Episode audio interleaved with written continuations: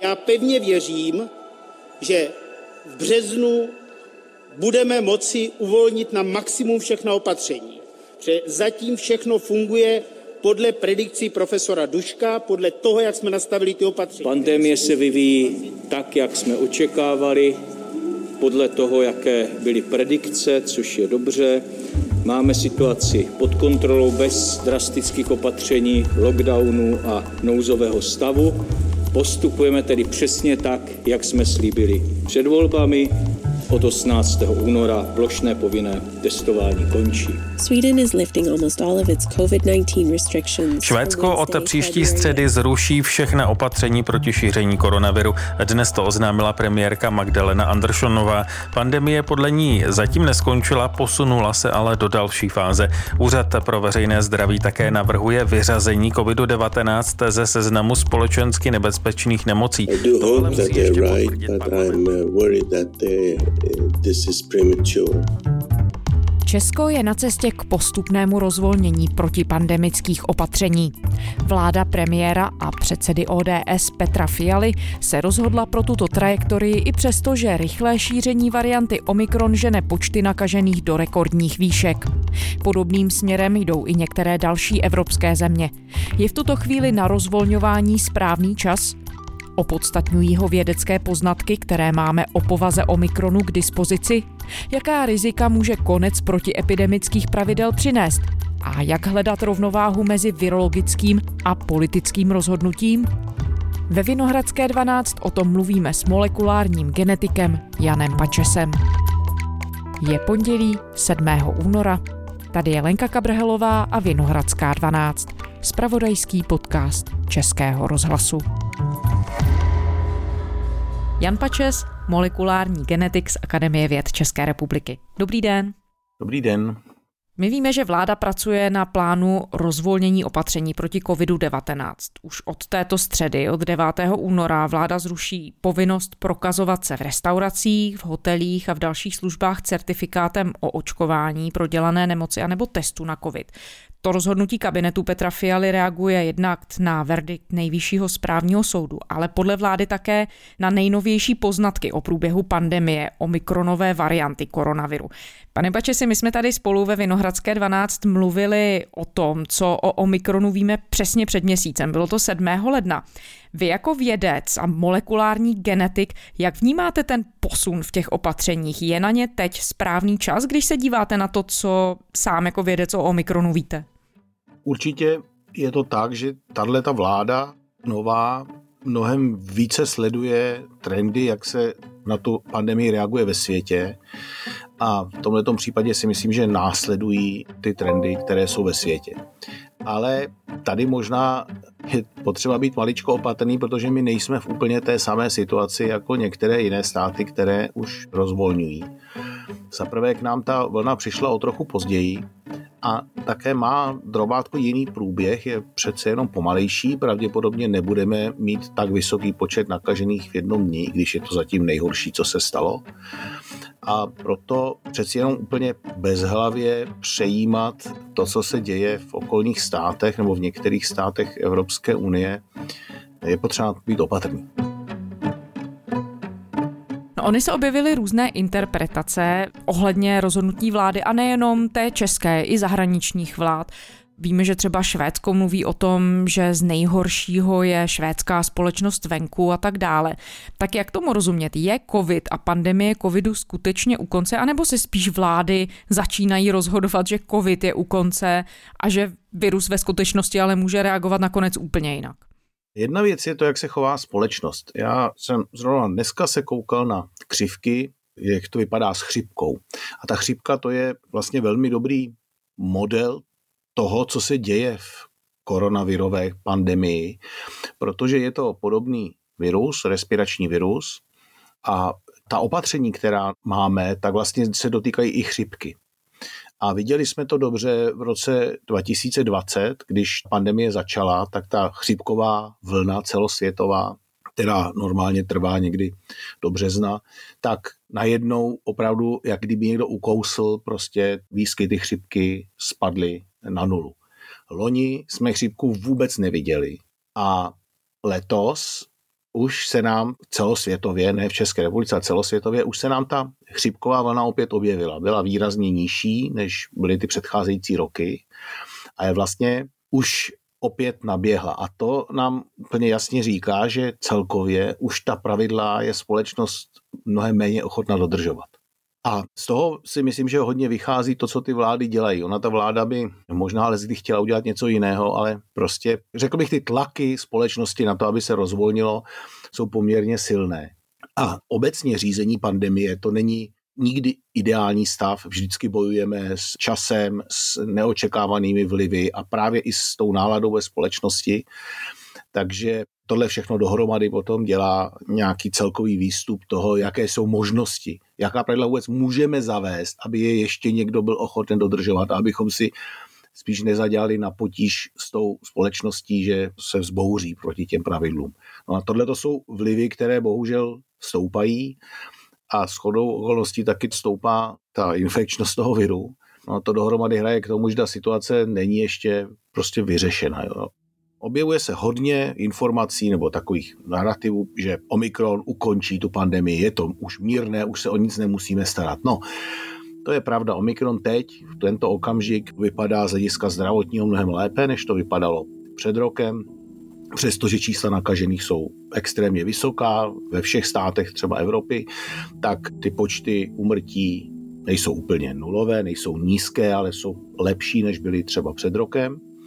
A i teďka, jak ta čísla rostou, tak sice v nemocnicích těch pacientů přibývá, je jich tam relativně dost, ale na těch jednotkách intenzivních nejsou tak častí. Takže z tohoto hlediska ty vlády začínají uvolňovat, no a ono to má trošku domino efekt. Ona jedna vláda uvolní, objeví se to v médiích a ty ostatní občani to chtějí taky z těch okolních států a tak těm vládám nezbyde nic jiného, než teďka najednou všichni rozvolní. Takže já si myslím, že to přesně takhle dopadne, že teďka najednou všichni rozvolníme, ale nejsme všichni ve stejné situaci a možná, že u některých států by bylo ještě vhodnější počkat. A když se díváte na ta opatření tedy a na ta ohlášená rozvolnění a není to jenom v Česku, konec opatření oznámilo Dánsko, Rakousko, právě třeba i to zmíněné Švédsko i další země. Vidíte tam nějakou úvahu, která by byla založena na tom, jaká vědecká data a jaké informace teď máme o Omikronu k dispozici? Ano, je to tak. Máme k dispozici vlastně už za ten měsíc nebo za měsíc a půl už relativně dobrá data i medicínská. Víme tedy, že opravdu ty průběhy bývají lehčí, víme, že je mnohem infekčnější a tudíž i obrana proti němu, aby byla účinná, by musela být o mnoho přísnější. To je další aspekt, který je důležitý. Ty obrané prostředky, které máme, ať už nějaké lockdowny nebo roušky, tak ty vždycky působí jenom do určité míry a když ten virus je infekčnější, tak je prostě potřeba přitlačit a to už dneska po těch dvou letech asi není možné. Takže tohle to jsou dobrá data. Víme i už molekulárně, proč asi se to tak děje, proč ten virus nespůsobuje tak těžká onemocnění, ale pozor, ve veřejnosti někdy se trošku zaměňuje to slovo lehčí a lehký. To není pravda, on je lehčí, ten Omikron, než třeba je varianta Delta. Ale pořád to není žádná lehká nemoc a v České republice pořád umírají, dneska už zase to stoupá pomalu k 50 úmrtím za den. To není malé číslo. Pořád je to nepříjemná choroba. No ale už to trvá moc dlouho.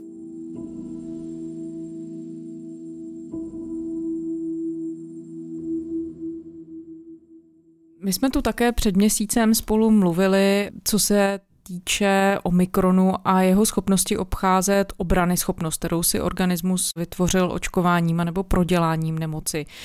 Naschromáždili se od té doby nějaké další poznatky, které by nás v tomto směru mohly posunout v tom přemýšlení o tom, jakou reakci nebo formu těch protiepidemických opatření volit? No, mně připadá, že jsme toho zjistili relativně hodně, ale že výsledek toho by měl být přesně opačný. To, co jsme zjistili, je, že protože už jsme získali jako lidstvo hodně protilátek proti těm variantám předchozím, které si byly všechny hodně podobné, takže protilátky proti jedné variantě působily velmi dobře, i na ty ostatní třeba ne úplně stejně dobře, ale pořád velmi dobře. A protilátkami myslím protilátky, ať jste je získali jakýmkoliv způsobem, proděláním nemoci nebo očkováním. Takže víme, že ta planeta už začínala být vůči tomu viru relativně odolná, no a stalo se to, že přišel Omikron, který všechna ta zajímavá místa pro imunitní aparát vyměnil. Tam jsou všechny ty mutace, které si Omikron pořídil, takže ty protilátky, která ta místa rozpoznávají, už je nerozpoznávají, protože ta místa vypadají dnes jinak na povrchu toho viru. No a takové ty úvahy, že se všichni promoříme Omikronem a budeme mít protilátky, ty jsou problematické, protože se nám lehce může stát tatáž situace, tedy, že ten virus někde se vyšlechtí taková varianta, která opět vymění všechna ta místa, proti kterým máme teď protilátky, to znamená ta místa v tom Omikronu a vznikne zase nějaká další varianta. A důvod, proč to u toho koronaviru je ještě takhle mnohem rychlejší než třeba u chřipky, je ten, že skutečně ta situace mezi virem a tím jeho hostitelem, tedy námi lidmi, ještě pořád není stabilním stavu. U chřipky se takováto situace děje taky. Ten virus se snaží uniknout té imunitě a tak postupně sbírá mutace, ale děje se to takovou rychlostí, že ten imunitní aparát celkový všech lidí na to stihne reagovat. A je to také proto, že ta chřipka nemůže vzniknout z nějaké obzvlášť staré, úplně jiné varianty, protože ty už neexistují. Tohle to se děje v řádu let. A toho koronaviru, každá ta varianta, která vznikla, tak ty varianty jsou to všechno bratranci, jsou to všechno poměrně vzdálení příbuzní. Nevzniká jedna z druhé. Omikron nevznikl tak, že by delta varianta začala být méně nebezpečná. Ne, ten nevznikl z delta varianty, ten vznikl opět z toho počátku. Je to proto, že na světě jsou ještě velké oblasti, kde zaprvé lidé nejsou očkováni a kde se taky nevede žádný monitoring a tam pravděpodobně přetrvávají různé ty počáteční varianty a z nich se prostě může vyšlechtit a najednou znovu objevit nějaká úplně nová, hodně odlišná.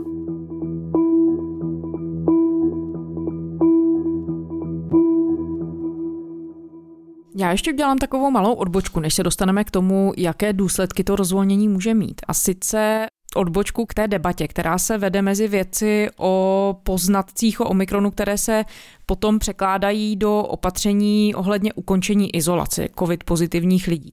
To víme, že je teď nastaveno tak, že COVID pozitivní mohou, pokud nemají příznaky, zpět do společnosti po pěti dnech, ale část vědců varuje, že to nejde jednoznačně říct, že po těch pěti dnech už covid pozitivní lidé nejsou nakažliví. Existuje v tuhle chvíli koncenzus, jak to tedy je? Jaká hranice bezinfekčnosti je z hlediska pohybu ve společnosti bezpečná? Ten konsenzus asi existuje, ale neexistuje konsenzus v tom, jaké je rozumné řešení při tom obrovském počtu případů. Je to tak, že ten Omikron je rychlejší, má kratší tu generační dobu, když se nakazíte, dříve se projeví příznaky a když se uzdravíte, je to také dříve. Z těch prvních dat to vypadalo, že pět dnů bude stačit, teď to vypadá, že pět dnů asi je příliš krátká nebo hraniční doba, kdyby to bylo víc, sedm dnů bylo by to asi lepší. A to, co by určitě pomohlo nejvíc, by bylo, kdybychom tu karanténu ukončovali testem, který by jednoznačně řekl, že už ten koronavirus člověk nemá. Ale ten problém je, že v současnosti je tolik nakažených, kteří ty testy potřebují, protože jim je špatně a upřímně řečeno i proto, aby mohli, i když jsou zdraví, ty lidé někam jít, tak si často dělají testy, aby někoho neohrozili, tak ty kapacity testovací nejsou tak velké a je to takové kompromisní řešení, jak většinu těch karantén udržet tak, aby se společnost nezhroutila, aby pořád jsme mohli fungovat, abychom nebyli všichni v karanténě a zároveň, aby ta pandemie se nešířila příliš velkou rychlostí. Zároveň tu ale tedy není jasná odpověď na to, jestli do jisté míry i tohle opatření nemůže přispívat potom k šíření viru, když se lidé tedy vracejí do společnosti příliš brzy. To je jasné, že určitě to není ideální a že částečně přispívají a jenom doufáme všichni, že tenhle ten příspěvek, to se přesně neví, jak velký je, ale myslíme si, že je malý v té celkové situaci, to je, jak jsme říkali o té pandemii, no prostě nemáme ideální řešení, balancujeme mezi mnoha různými vlivy, které často jdou opačným směrem a tohle je někde balans mezi tím. Rakousko v únoru navzdory vysokým počtům nakažených koronavirem uvolní některá protipandemická opatření. Dnes to řekl kancléř Karl Nehammer. Mírnější pravidla podle něj budou platit například v turismu, obchodech a gastronomii. Třeba v restauracích už bude pro vstup stačit prokázat se pouze negativním PCR testem. Zavírací doba podniků se zase z dosavadních 22 hodin posune na půlnoc. 9 milionová země dnes přitom oznámila téměř 35 tisíc nových případů koronaviru koronaviru, což je největší denní přírůstek od začátku pandemie. Fra den 1. februar om ganske få dage, så vil Danmark igen være åbent. Denmark has become the first country in the European Union to lift almost all of its domestic COVID restrictions, despite having the second highest infection rate in the world. Premiérka Andersonová prohlásila, že je na čase, aby se Švédsko opět otevřelo. Několik mezinárodních studií podle ní potvrzuje, že COVID-19 má s variantou Omikron lehčí průběh, roste počet lidí neočkovaných proti nemoci a dobrá je podle ní situace i ve zdravotnických zařízeních. Ministrně sociálních věcí Lena Hallengrenová ale varovala školy i zaměstnavatele, aby návrat do kanceláří a školních lavic neuspěchali. V platnosti zůstává například doporučení vyhybat se velkým davům nebo zůstat doma, pokud člověk pociťuje příznaky nemoci.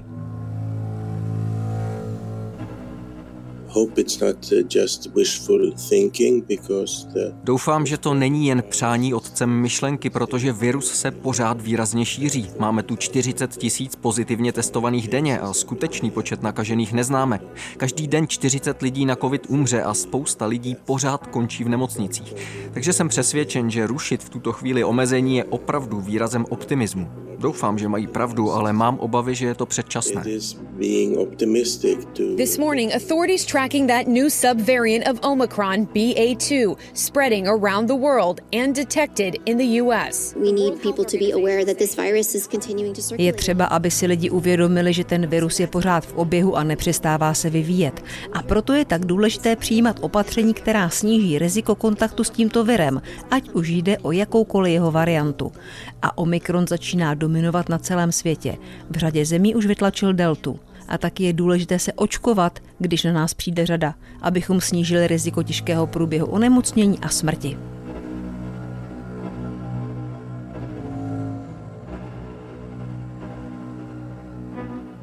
Když se tedy podíváme na ty potenciální důsledky toho rozvolňování, pokud se tedy skutečně bude dít, když se na to díváte jako molekulární genetik, který sleduje evoluci a vývoj virů, co to tedy může způsobit to současné rozvolnění z hlediska vývoje koronaviru SARS-CoV-2? Je tu větší hrozba vzniku nějaké varianty, která by nás jako lidstvo zase poslala někam dál na začátek pandemie nebo do nějaké nepříjemné fáze?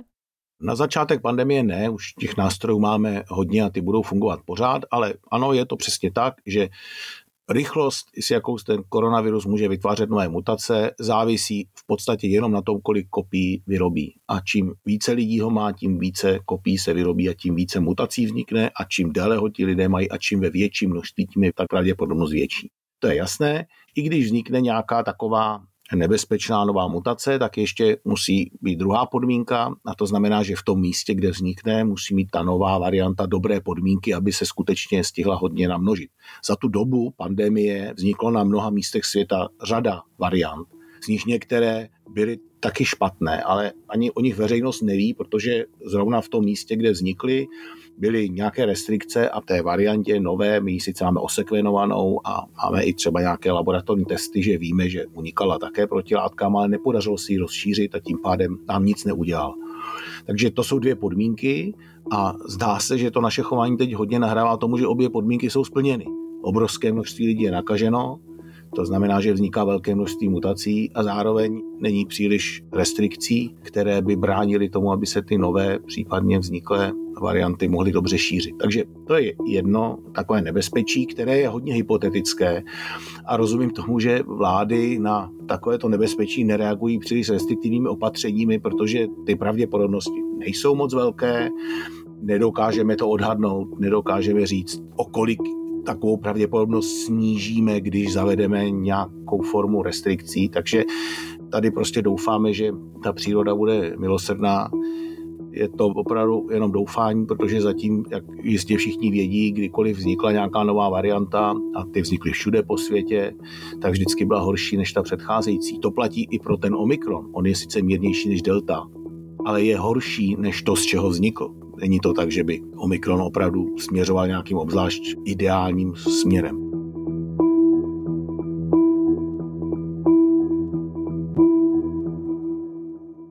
No a ta stabilizace té situace mezi virem a hostitelem může vzniknout několika způsoby a to, co teď očekáváme po té vlně Omikron, jak to dopadne s tou variantou Delta. Jsou dva scénáře. Jeden scénář je, že Omikron je o tolik infekčnější, že variantu Delta zlikviduje, přeroste jí a ta vymizí stejně tak, jako vymyslela varianta alfa nebo beta. A druhý scénář, který je také docela pravděpodobný a pro nás bohužel horší, je to, že zůstanou žít nebo fungovat, existovat vedle sebe obě dvě ty varianty. Tak, jako to vidíme například u chřipky, kde je řada kmenů a každý ten kmen má právě jiné povrchové antigeny, takže se proti němu vytvářejí jiné protilátky. Ta cross-reaktivita, to znamená protilátky proti jedné variantě nebo jednomu kmenu chřipky, nefunguje moc dobře proti tomu jinému a proto v té populaci se takovéhle jednotlivé kmeny chřipky střídají každý rok v daném místě. Docela často bývá pandemie jiné té varianty chřipky. No a tohle se nám může stát také s tím koronavirem. Například jeden z těch koronavirů běžných chřipkových, teď vyšla velmi hezká studie, která ukazuje, že tam to přesně tak je, že se vyskytuje ve dvou podvariantách a těch dat tam nemáme zdaleka tolik jako z tohohle toho SARS-CoV-2, ale dot je tam relativně dost, abychom viděli, že přesně tak se chová. Má dvě varianty a ty se tak rok od roku v daném území střídají.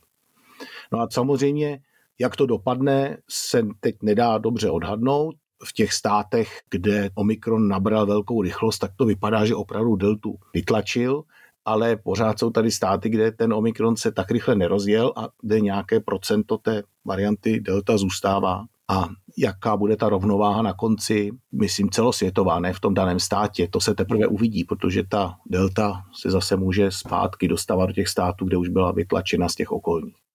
Ale z toho, co říkáte, tak se nezdá, že bychom se nějakým velkým tempem blížili do fáze, kdy bude možné COVID považovat za nějaké běžné respirační onemocnění, kdy to prostě bude nemoc, která nebude považovaná za příliš vážnou. I když teď vidíme tedy, že některé ty vlády už se snaží COVID vyřadit nebo už ho vyřazují ze škály nějakých velmi vážných onemocnění pro společnost, ale skutečně se tam blížíme? Blížíme se tam, už jsme to viděli u té varianty Delta.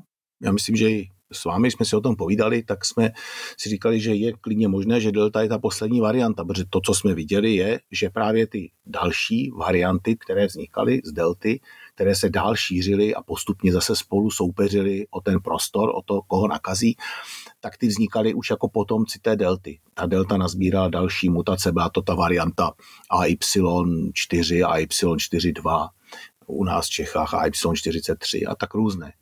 A takhle to vypadá třeba u té chřipky. Ten evoluční strom, když si je takhle nakreslíme, tak ten vypadá trošku jako schody. Prostě vždycky ten virus se mu podaří maličko uniknout té imunitě, jak se rozšíří a ta imunita odožene a zase jeden z nich získá dobrou mutaci a rozšíří se a tak to takhle postupuje. No a evoluční strom koronaviru, ten zatím vypadá jako takové koště nebo jako takový ohňostroj, prostě z toho původního bodu vystříkují ty různé varianty na všechny strany. S deltou už to vypadalo že to tak půjde, nestalo se to, přišel Omikron, no teď doufáme, že se to stane s Omikronem, ale určitě bude trvat rok, než si tímhletím budeme moci být poměrně jistí. Ten rok je kvůli tomu, že teď je ta pandemie zase ve fázi velké rychlosti, ale blíží se nám už jaro, je za rohem, kdy ta čísla, alespoň tady na severní polokouli, půjdou dolů přes léto předpokládáme, že asi se ten koronavirus tady nebude příliš vyskytovat, bude naprosté rozvolnění a velká radost z toho, že to je za námi, no a pak budeme všichni čekat na to, co se stane na podzim. Ta pravděpodobnost, že to dopadne dobře a že se to stabilizuje, je velká, ale není v žádném případě 100%. Jedna věc, která se v tom tak trochu začíná ztrácet pro mnohé lidi, je ta, jak bychom se vlastně jako jednotlivci měli chovat, pokud chceme být zodpovědní, pokud nechceme přispívat k té možnosti, že by se virus nekontrolovaně množil a tím pádem mohla vzniknout nějaká super odolná varianta. Co tedy v tuhle chvíli podnikat z hlediska jednotlivce? Je na to vůbec odpověď? No, já tuhle tu otázku dostávám velmi často a to nejenom takhle do médií, ale volají mi třeba kamarádi a známí a říkají, tak co mám dělat teďka? Dcera přinesla ze školy a můžu jít do divadla nebo nemám jít.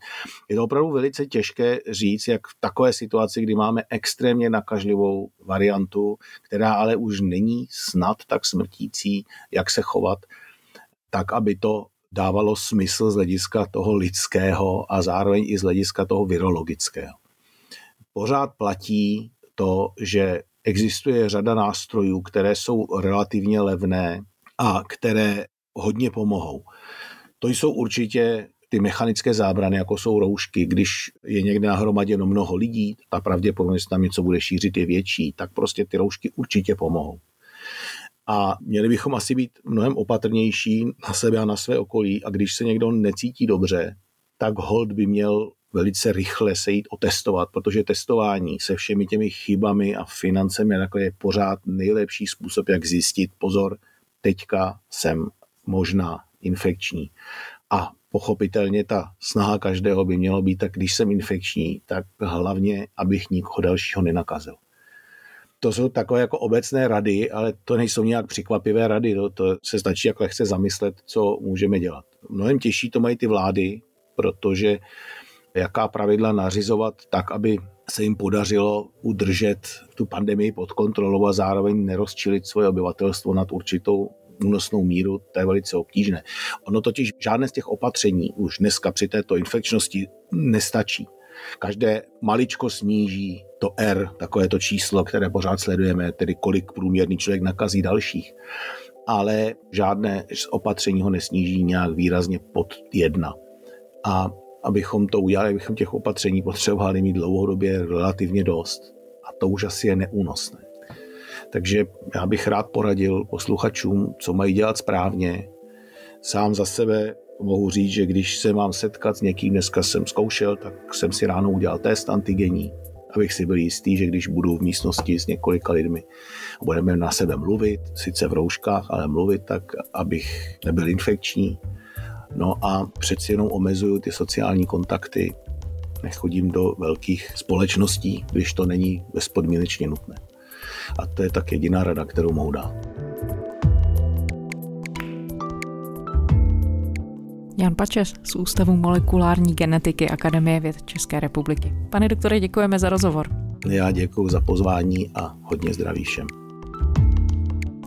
A to je z pondělní Vinohradské 12 vše. Děkujeme, že posloucháte. Vraťte se za námi kdykoliv na server iRozhlas.cz a také do všech podcastových aplikací. Psát nám můžete na adresu vinohradská12 zavináč rozhlas.cz To byla Lenka Kabrhelová. Těším se zítra.